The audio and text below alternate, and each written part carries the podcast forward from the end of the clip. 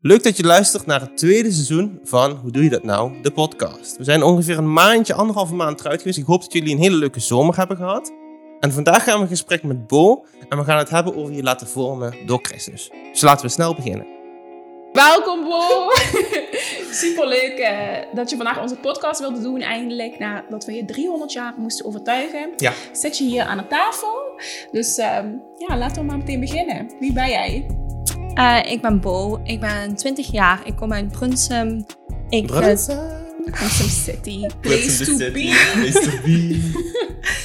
Uh, ik studeer de opleiding Social Work uh, op het HBO. En um, ik ben nu twee maanden terug uit Australië. Daar heb ik een half jaar gewerkt. Mm -hmm, mm -hmm. Ja. En hoe was wow. het begin van de studie? Een beetje wennen, omdat nu natuurlijk alles thuis is. Maar ik vind het wel op zich heel erg interessant. Oké, okay, en natuurlijk, weet je, onze podcast gaat natuurlijk over geloof. Dat is... Um... Nee, echt?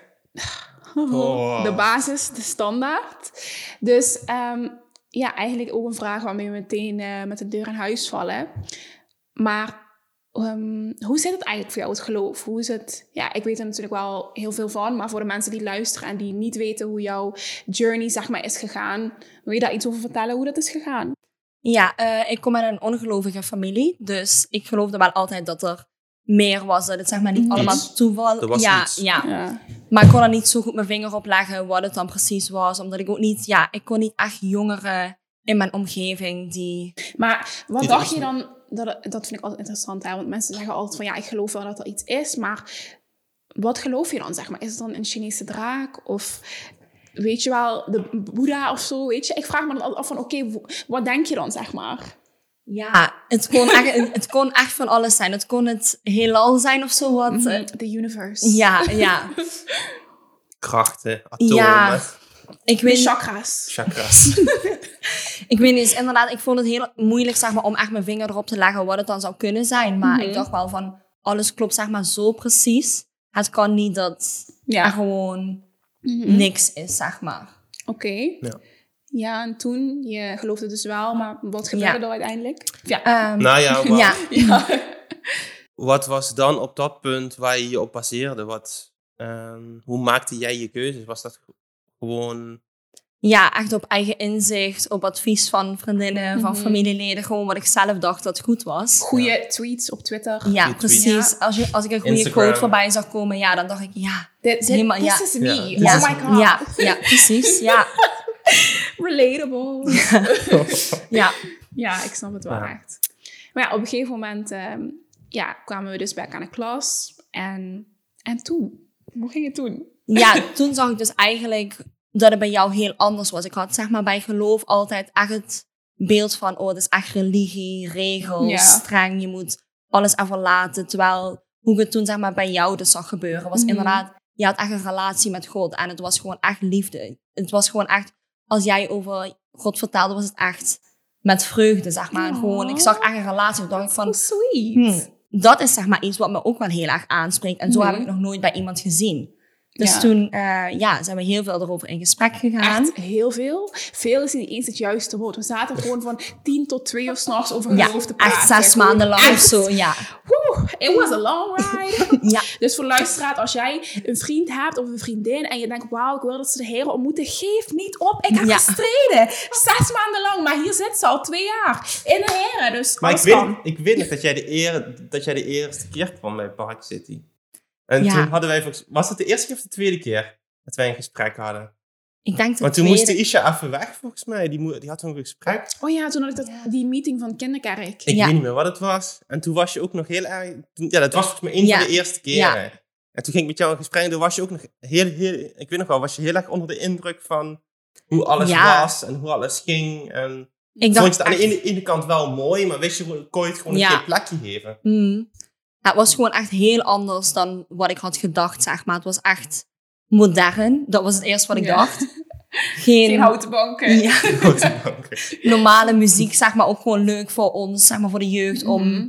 Ja, dus het was echt... eh, ik weet wel, toen ik voor de eerste keer meekwam naar de kerk, was ik wel eigenlijk gelijk ervan overtuigd Ja, klopt. dat God echt bestond. Ja. Ja. Ja. Want ja, op een gegeven moment natuurlijk, na maanden van bidden en vasten en Mm. strijden, kwam je dus mee naar de kerk. En inderdaad wel vanaf het moment dat je naar de kerk kwam, toen ja, toen was die, die conviction er ook, weet je wel, die overtuiging van, oké, God is echt, weet je wel. Maar, en toen, weet je wel, wat merkte je toen? Wat veranderde er in je leven? Welke veranderingen merkte jij eigenlijk? Ja, ik denk dat ik gewoon als persoon heel erg ben gaan veranderen. Ik merkte dat er veel meer innerlijke rust was. En inderdaad, ik hoefde het opeens niet meer alleen te doen. Ik hoefde niet meer keuzes te maken gebaseerd op mijn eigen inzicht, zeg maar. Op je eigen Instagram-tijdlijn. ja.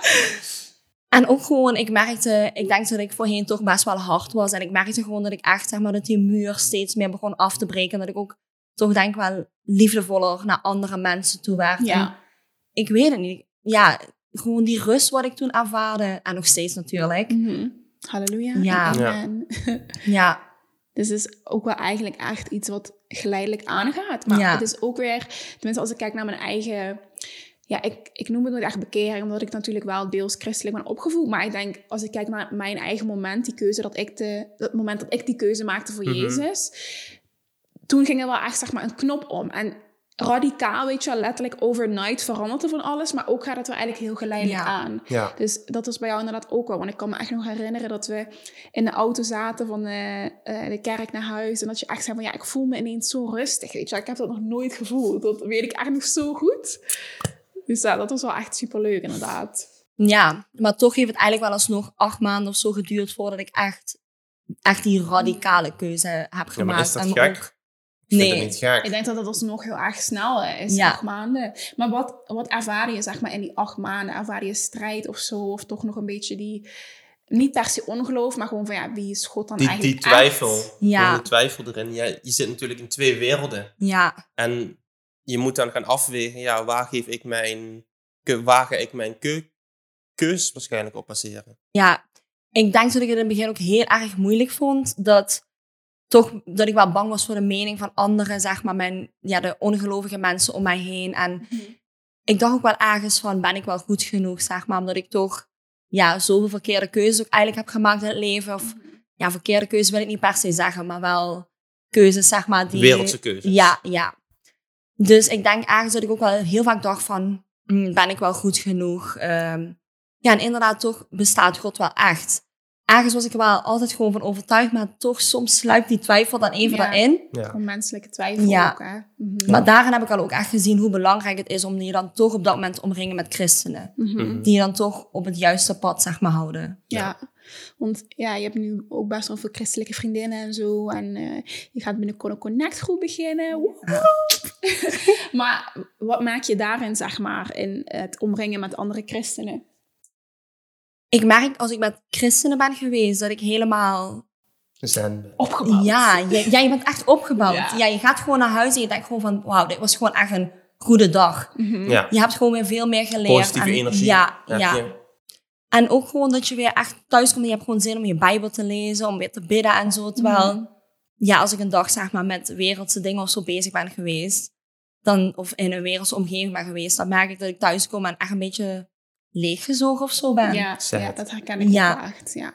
En Ja. gewoon, zij kunnen je wel echt goede adviezen geven en samen bidden. En Mhm. ja, dus Ja, je hebt er steun aan. Ja, Ja, Ja. Klopt inderdaad. Het is gewoon heel belangrijk om de juiste fundament ook om je heen te Ja. hebben. En in die eh, acht maanden, hè, als je dan in die twijfel zit, wat voor een geestelijke strijd is dat dan? Eh, waar, waar, moet ik, waar moet ik dan aan denken, Kan je het überhaupt gezien? al herkennen, zeg maar, als Ja, kun je dat herkennen? Ehm, ik denk het wel, want ik begon ook bijvoorbeeld heel vaak te denken van het leven wat ik zeg maar nu leid. Dus zeg maar echt dat wereldse leventje was toch wel... Ja, Comfortable. ja, zeg maar, ik dacht gewoon van hm, eigenlijk is alles nu op zich wel prima, weet je. Ik doe gewoon mijn ding.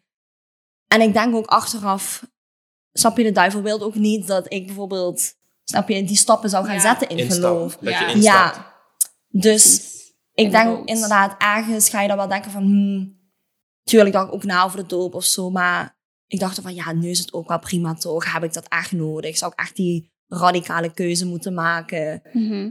Dus, Maar dacht je daar dan meteen na over de doop? Of was dat... Ik zou tenminste eerst gewoon denken, nou laat ik eerst nog maar eens geloven. Zal ik, Laat ik Mhm. eerst nog maar gewoon eens normaal christen zijn. ja, Of tenminste, zo dacht ik toen, toen ik in ieder geval tot bekering kwam. En dan pas, anderhalf jaar later, weer later, heb, heb, heb, heb ik me pas laten doop. Maar heb je dan meteen... ik denk dat dat vier maanden of zo kwam. Natuurlijk niet gelijk, maar... Wel snel. kwam- ja, ik dacht er wel, zeg maar, vaker over na. Mhm. Maar Ik weet nog dat, zeg maar, als ik eraan terugdenk, het grootste obstakel was toch ook wel om het inderdaad te delen met eh, je familie en zo. Weet Ja. je wel, echt de mensen die, ja, die naast je staan en zo. mm, Ja, want ging het dan op een gegeven moment opvallen dat je vaker weg was op zondagochtend? Of ja, heb je smoesjes gebruikt? heb je echt Nee, smoesjes nee. gebruikt meteen? nee, gelukkig, eh, mijn familie was wel heel erg eh, supportive erin. Dus ik zei wel gewoon dat ik naar de kerk ging. En ondanks dat zij niet geloofde, vroeg ze wel altijd van, of nog steeds niet geloven, vroeg ze wel van, en hoe was het in de kerk en zo. Dus gelukkig steunt mijn familie me daar wel heel erg Het in. geen, ze echt... je, het was geen, je gaat nu uit de deur of Nee, eh, je gaat niet meer naar de kerk. Nee, absoluut niet. Ja, mijn ouders zijn natuurlijk ook. Al lang blij dat ik naar de kerk ga in Ja. plaats van ieder weekend. eh, Ja, precies. Zuiver. Ik denk, kijk, mijn moeder is ook nog niet, nog niet christelijk. Maar kan altijd komen. ja. dat komt. Dat Amen. Something I'm receiving in the name of Jesus. Maar ehm, wat ik wel ook merk en wat ik ook wel heel lief vind, weet je wel, ze steunt me wel echt. En ze, ze staat er wel voor open om te luisteren naar mijn verhalen, weet je wel. eh, Hoe het was, wat ik heb meegemaakt. Of de preek leuk was, weet je wel. Gewoon die dingen, die vraagt ze dan wel. Dus weet je, ik denk ook wel gewoon een shout-out naar onze nog ongelovige ouders, weet je wel. Dat ze er wel Mm. zo goed mee, op, eh, mee omgaan. Want ik kan me ook wel voorstellen dat... Kijk, wat ik al zei, weet je wel... Ik ben semi-christelijk opgevoed, dus mijn moeder, weet je wel, die kent het geloof ook wel. Maar ik denk ook wel voor boosouders, weet je wel, die hebben helemaal niks met het geloof. Dus ik vind het ook wel knap dat je dan als ouder zijn toch je kind wel ehm, kan ontvangen, zeg maar, met alles wat daarbij komt kijken en alle dingen die bij het geloof komen kijken. Dat is niet niks. Ja, ik kan het me namelijk helemaal niet voorstellen. Ik heb altijd, nou, ik was dan vanaf, vanaf, vanaf, vanaf, vanaf mijn twaalfde was ik dan gelovig. Maar of ben ik naar de kerk maar altijd met het, met het gezin. En nooit echt apart. Ja, Dus ik, vind dat, ik vind het überhaupt al knap dat je... jij zit echt aan de andere kant van de Ik, tafel. zit- ik, Ja. letterlijk, letterlijk. Nee, maar ik zit ook inderdaad aan de andere kant van het, van het verhaal. Ja. Van ik, Oké, ik ben wel alleen naar Park City op een gegeven moment gegaan. Maar dan nog had ik mijn ouders waarop ik kon, terug, Ja, kon terugvallen als het moest. ja, precies. Ik ben daar persoonlijk niet zo van geweest altijd. Ik zocht liever vrienden op in plaats van mijn ouders. Maar ik, ik kan het me niet voorstellen als je ouders niet gelovig zijn en daar constant een soort van gezinsstrijd of zo hebt. Ik denk dat dat op zich wel meevalt. Tenminste, in mijn situatie. Ik weet niet hoe dat voor jou is. Voor mij valt het inderdaad ook wel mee. Ja, mijn ouders gaan ook gewoon mee naar de kerk als er iets is wat voor mij heel erg belangrijk is. Of met kerst Ja. of zo. Met zijn wel echt... met zo kerst lief, en ja. Pasen. Ja. Ja. Maar wat is dan bij hun wat, wat het dan nog tegenhoudt? Ja, gewoon echt het ongeloof. Ja. Als je het niet Ja. in je hart gelooft, ja. Een persoonlijke overtuiging is Ja. zo belangrijk. Ja. Ja. Ja. Maar ik vind het al super fijn dat ze natuurlijk überhaupt Ja. meegaan. En weet je, elke keer is beter dan Dan helemaal Ja, niet. Dan. Ja. Ze zijn er in ieder geval, Ja, weet je. ja. Dat is ook echt Ja. zo. En ik denk ook inderdaad, daarom is het zo belangrijk dat je je ook omringt met eh, andere christenen, weet je. Mhm. En de juiste mensen. Want ondanks dat er niet, zeg maar, hoe jij misschien als christen die wel echt met christelijke ouders is opgegroeid, die gedacht hebt van, oh, er gaat thuis echt een hele strijd ehm, ja, los, weet je wel. Er gebeuren allerlei De dingen. angst. Het is misschien niet zo voor de hand liggen, maar onderbewust, zeg maar, Ja. zijn er altijd wel, is er altijd wel een beetje strijd. En is er altijd wel iets waarvan je denkt van, oh ja, als ik nou ouders had die ook echt in de heren waren, dan was dit misschien zo of zo. Mhm. Dus ik denk dat het daarom ook heel belangrijk is om je wel... dat is geen, geen, geen excuus inderdaad. Nee, precies. Maar daarom is het ook, denk ik, wel heel belangrijk om inderdaad ervoor te zorgen dat je gewoon ja, christelijke vrienden hebt, weet je wel. Ehm, dat je ook gewoon hecht bent met je pastors, dat je daarop kan terugvallen, weet je. Ik ben echt heel dankbaar voor onze pastors, want Ja. als er wat is, kunnen we ze bellen, weet je wel. En ze Ja. zijn er voor ons. Dus Ze zijn er voor ons ja, ook. Maar niet het uit hoe laag of hoog je staat, hoe, hoeveel of hoe weinig je doet. Ja, in ze de zijn kerk, er, weet ze je. zijn er. Ja, ze zijn er voor je. Dus inderdaad, dat is echt een zegen. Nee, maar Bo, ehm, in die vier maanden dus, hè, hoe was die stap dan van, nou, ik ben bekeerd, ik, ik geloof, naar, oké, ehm, ik, ga, ik ga me laten dopen. Ja, dat heeft dus in totaal acht maanden Oh, toch? geduurd. Acht. Ja. Maar ik merkte op een gegeven moment dat ik een beetje, ja, ik stond echt zo nog half in de wereld. En ik merkte dat het toch wel tijd was om ja, een keuze te gaan maken. Ik dacht, ik kan niet voor je de rest van mijn leven. keuze gemaakt voor jezelf. Ja, nee, maar om echt die radicale keuze te maken en echt mijn oude leven, zeg maar, achter me te laten. Maar hoe doe je dat eigenlijk? Want ik bedoel, acht maanden is alsnog een hele korte tijd, weet je wel. Dus Mhm. ja, hoe zeg maar, ehm, begraven klinkt natuurlijk wel Ja, heel erg zwaar. Maar hoe laat je dat echt achter je? Weet je, dat lijkt me niet makkelijk voor iemand die echt letterlijk gewoon overnight met het geloof te maken heeft gekregen. Want je was toen 18, 19. Ja, ik denk zo dat natuurlijk ook... Op een gegeven moment voelde ik ook dat God mij zeg maar echt riep om die volgende stap in geloof te zetten. En ik had er ook heel erg voor gebeden dat God mij echt zou laten zien, zeg maar, wanneer het de juiste tijd was. Ja. Want ik had wel al vaak over de doop nagedacht, maar het voelde toch altijd zo van, mm, nog niet, zeg Mhm, maar. mhm. Maar ik denk dat het heel belangrijk is om echt na te denken over met wie omring ik mij. En, want ik heb nu natuurlijk nog steeds eh, wereldse vrienden. Mhm. Maar bepaalde vrienden trekken je wel weer heel erg terug zeg maar, de wereld in. En Ja. ook al is het heel erg gezellig met ze, dan kan je een leuke zaterdagavond hebben. Brengt jou dat uiteindelijk waar je echt wil zijn. En ja, brengt jou dat dichter bij God. Nee, mij bracht het uiteindelijk alleen maar verder. Dus Ja. ja. op een gegeven moment heb ik er natuurlijk ook voor gekozen om bepaalde vriendschappen of relaties achter me te laten. Mhm, mhm. En dat is niet makkelijk, maar God zal nooit. Snap je? Ik- je laat het niet achter. Ja, God Hij zal dan niks. Ja, er, zal, ja. ja. je er zijn moet- zoveel Ja. betere vriendschappen voor teruggekomen. En ja, Ja. Nou, je moet ze dan op een laag pitje... Ja, goed, je moet niks, maar je zet ze dan Ja. automatisch op een laag pitje. Je gaat misschien wel nog met ze om, maar je deelt niet meer zoveel als dat je met Ja. Tisha Ja. deelt, bijvoorbeeld. maar op een gegeven moment wil je dat ook niet meer. Want ja, als ik bijvoorbeeld ook iets meer met mijn christelijke vriendinnen ja. kan doen, waarom. Ja, je, Ja. Wil, gewoon- je maakt gewoon hele andere Klopt. keuzes. Omdat God je verandert je echt van binnenuit. anders. Ja. En je wilt Ja. ook doen wat goed is voor jouw relatie met God. Dus Ja. ik snap het. Voor degenen die ook struggelen met vriendschappen. We hebben ook een podcast over vriendschappen. Dus luister die vooral. Dat was een goede aflevering. Maar hoe was voor jou die, eh, de dag van de doop dan? Of de, in de week na, of de dagen na? This girl was so nervous. Ja Zo oh. nerveus. Ik was echt heel erg nerveus, omdat ik er gewoon Heb echt niet van gedaan. hou om voor zoveel mensen, zeg maar. Openbaar. In de Ja, spotlight te staan. ja. Maar op het moment zelf van de doop, het was gewoon echt ik en God, Ja. zeg maar. Het viel gewoon echt allemaal weg. Ik voelde niet dat er staat, 200 dan, mensen eh, stonden. echt, ja. hè? Ik had dat ook met mijn doop. Ik dacht, ik was zo nerveus. Ik stond daar te worshipen en ik dacht, heer, zal ik het nog wel doen? Ik weet niet of ik het durf. Ik voelde me zo... Oeh.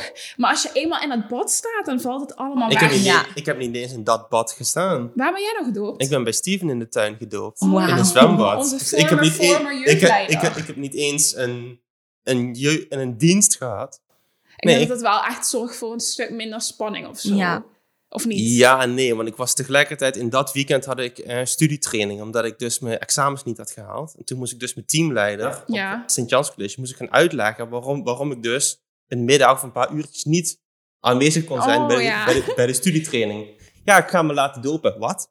Maar dat staat natuurlijk, dat is wel inderdaad, speelt wel voor. Ja. Is dat, ehm, het zorgt wel voor Nee, eh, stress was- en zo, maar dat het- heeft niks op zich te maken met de doop zelf. Nee, maar op zich, het, ehm, ik moet zeggen, ik was toch ook wel gespannen, omdat ik dacht van ja, dit is wel ook serieus. Om zo te, dit is geen grapje wat ik even Er doe. gaat wel echt Mm. van alles veranderen, dat weet Ja. je wel. hè, ja. Dat- Als ik die keuze maak, dan wil ik ook echt dat ik er 100% van overtuigd ben en ook niet meer denk van oh, een wereldse leventje is nog wel Ja. prima voor mij, snap je? Dan Nee. wil ik ook echt 100% nee, je ervan gaat er dan overtuigd zijn dat 100% ik, voor. ja, Precies. Dit is Ja, inderdaad Dat is echt het zo. Anders doe je, doe je Ja. het inderdaad Ja. niet. Toen jij je hebt laten dopen, heb je ook echt letterlijk alles achter je gelaten, weet je. Je bent echt niet meer teruggegaan naar dat oude leven. Dus dat is inderdaad een getuigenis. Want Ja.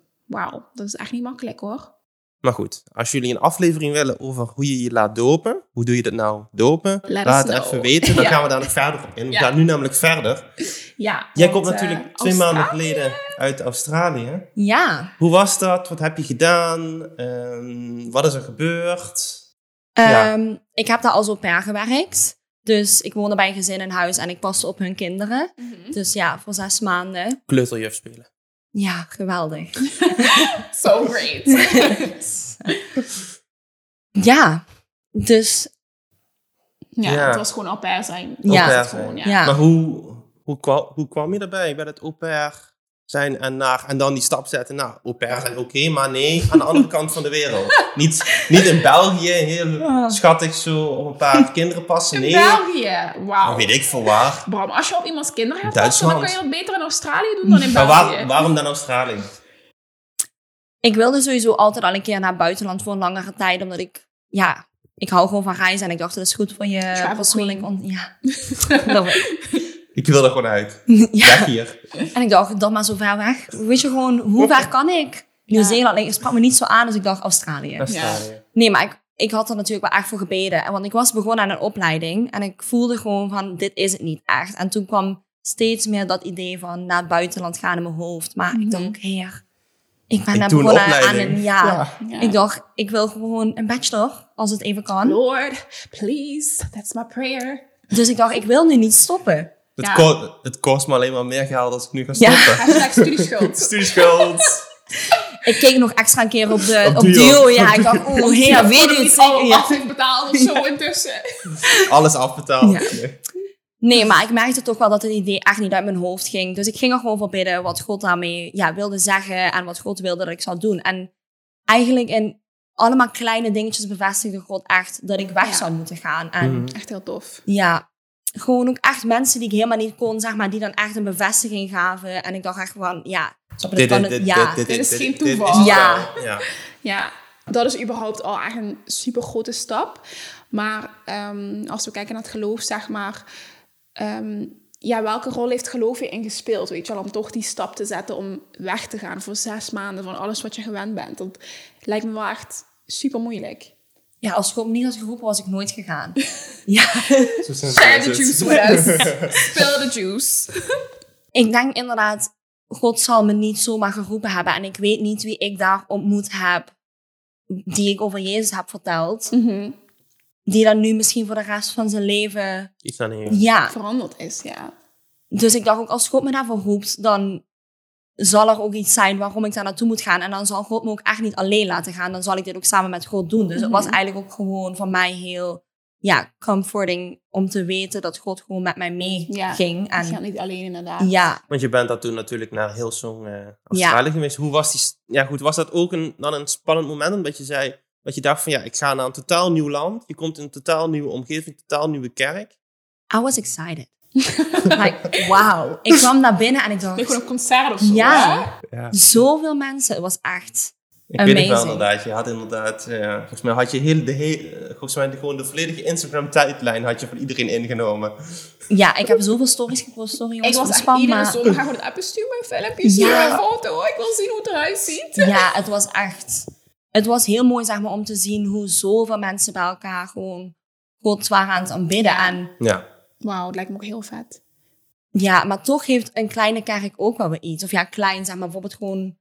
Onze Onze kerk. church, Ja. little church. Ja, vergeleken Gewoon- met, vergeleken met Hillsong is Ja. dit echt klein, klein, Ja, klein. ja. Heel klein. Sorry Remco. Sorry Remco. Nou ja, we hoeven niet in de vergelijking te zitten, weet je. Nee. Als je dat Nee. Zegt. Ook sommige mensen vinden kwaliteit het van gewoon het- fijner om een Ja. kleine kerk Ja. te hebben. Maar sommige mensen vinden het fijn om naar een hele grote kerk Ja, te gaan. Maar het gaat ook Dus- een beetje om de, om de kwaliteit die een kerk heeft. En niet Ja. zozeer over de hoeveelheid. Ja, de kwantiteit die een kerk bezit. Of, En de ministry, weet je. Sommige kerken zijn echt geroepen om gewoon stadskerk te Ja. zijn, weet je. En sommige kerken zijn zo. geroepen om wereldwijd te zijn. En ja.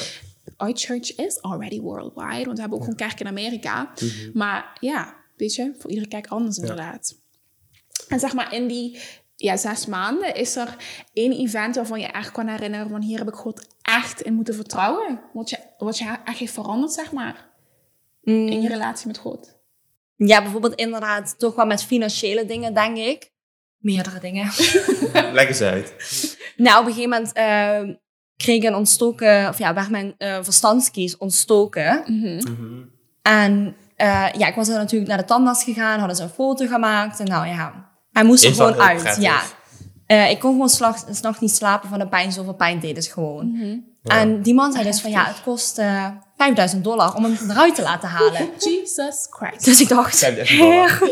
Ik moet ook nog een vlucht terug hebben. ik kan hier Ja. nu. Ja, dus Naar wie, ging, naar wie ging je eerste telefoontje toen? naar mijn moeder. Nou, wat zei die? wat zei die? we Wat zei 5000 ze? dollar extra toevallig ergens. Wat zei, wat zei ze toen, toen je die mededeling bracht? Ja, mijn moeder zei ja, als het eruit moet, ja, dan, dan moet het maar. Maar ik dacht, ja mam, ik heb geen 5000 dollar. ik dacht, moet ik aan mijn spaarrekening? Trek Ja, duur maar open. Open duur. Oh, met you to the rescue. Open duur to rescue. Ja, wat, wat heb jij met je collegegraad gedaan? Nou, ik heb een verstandsgeslag trekken. Hier in Nederland? Nee, in Australië. oh, Nee, maar goed. ja, Ja. maar toen merkte ik dus inderdaad wel echt inderdaad, het eerste wat ik deed was mijn moeder bellen. Mhm. En stress hebben om het geld en alles. Wel had ik al gebeden voor genezing. Had ik al, Wauw. was God de eerste naar wie ik toe ging? Nee, eigenlijk niet. Dus toen heb ik wel echt geleerd van... Ik moet, zeg maar, ik merkte echt dat ik het op mijn eigen krachten deed. En niet... Ja. Ik dacht van, eigenlijk vertrouw je God nu niet 100%. Want anders zou je nu niet zo stress hebben. Mhm. Dan zou je gewoon weten dat al zou die tand eruit moeten...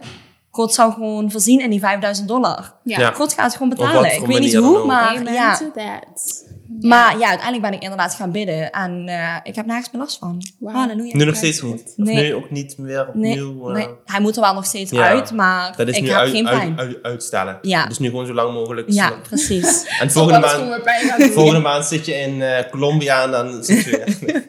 Nee, voor de volgende trip moet hij wel eruit, hè? Ja. Nee, maar inderdaad, dat is wel echt wat je... Ik, ik herken dat heel erg en ik denk iedere christen wel. Weet je, als er stress komt of er komen tegenslagen, dan zijn we zo snel geneigd om gewoon naar de situatie te kijken of Ja. mensen om ons heen in plaats van God te zoeken. En ik denk dat dat misschien wel de grootste uitdaging is van christen zijn, om God echt altijd als eerste te zoeken. Mhm. Dus ja, echt super mooi dat je die boodschap hebt mogen leren daar in Australië. Nee, maar Bo, wat is eh, het leukste wat je in Australië hebt kunnen, mogen doen, wat je niet van tevoren had gedacht? Ja, Bram, alles wat ik heb gedaan had ik Ja, verwacht. dat is best een moelijke vraag hoor. Ik bedoel, als je dan zes maanden bent, je doet zoveel leuke dingen. Ja. wel. Het is niet een vakantie van niet- twee weken naar Turkije of zo, waar je naar een waterpark gaat. Wat toch het leukste is dat je hebt gedaan. Oké, yes, nee. ik ben klein ben geweest. Nou, Bo, het is dus wel eh, duidelijk dat je echt gewoon super veel vette dingen hebt mogen leren samen met God. En ook gewoon alleen al het vertrouwen wat je hebt mogen leren. En ook echt ja, laten vormen. Weet je, als je eenmaal in Australië bent, dan heb je soms geen andere keuze dan alleen maar op God vertrouwen. Dus de adviesvraag die we jou ook willen stellen is: eh, welk advies geef je mee aan jongeren die het moeilijk hebben of die het moeilijk vinden om God te vertrouwen? Ik denk dat het echt heel belangrijk is om ja, te gaan begrijpen wie is God nou eigenlijk. En Mhm. dus inderdaad, als je moeite hebt met iets, ga inderdaad Mhm. niet naar je vrienden toe of iets, maar ga eerst naar God toe. Naar God en bid vooral veel. Ja, duik in het woord, zeg maar. Amen Verdiep je er echt in. En Ja. ik denk ook wanneer je dan, zeg maar, kleine stapjes gaat zetten, zal God ook steeds vaker die bevestiging gaan geven van, Mhm. je kan me vertrouwen. Ja. En Mooi.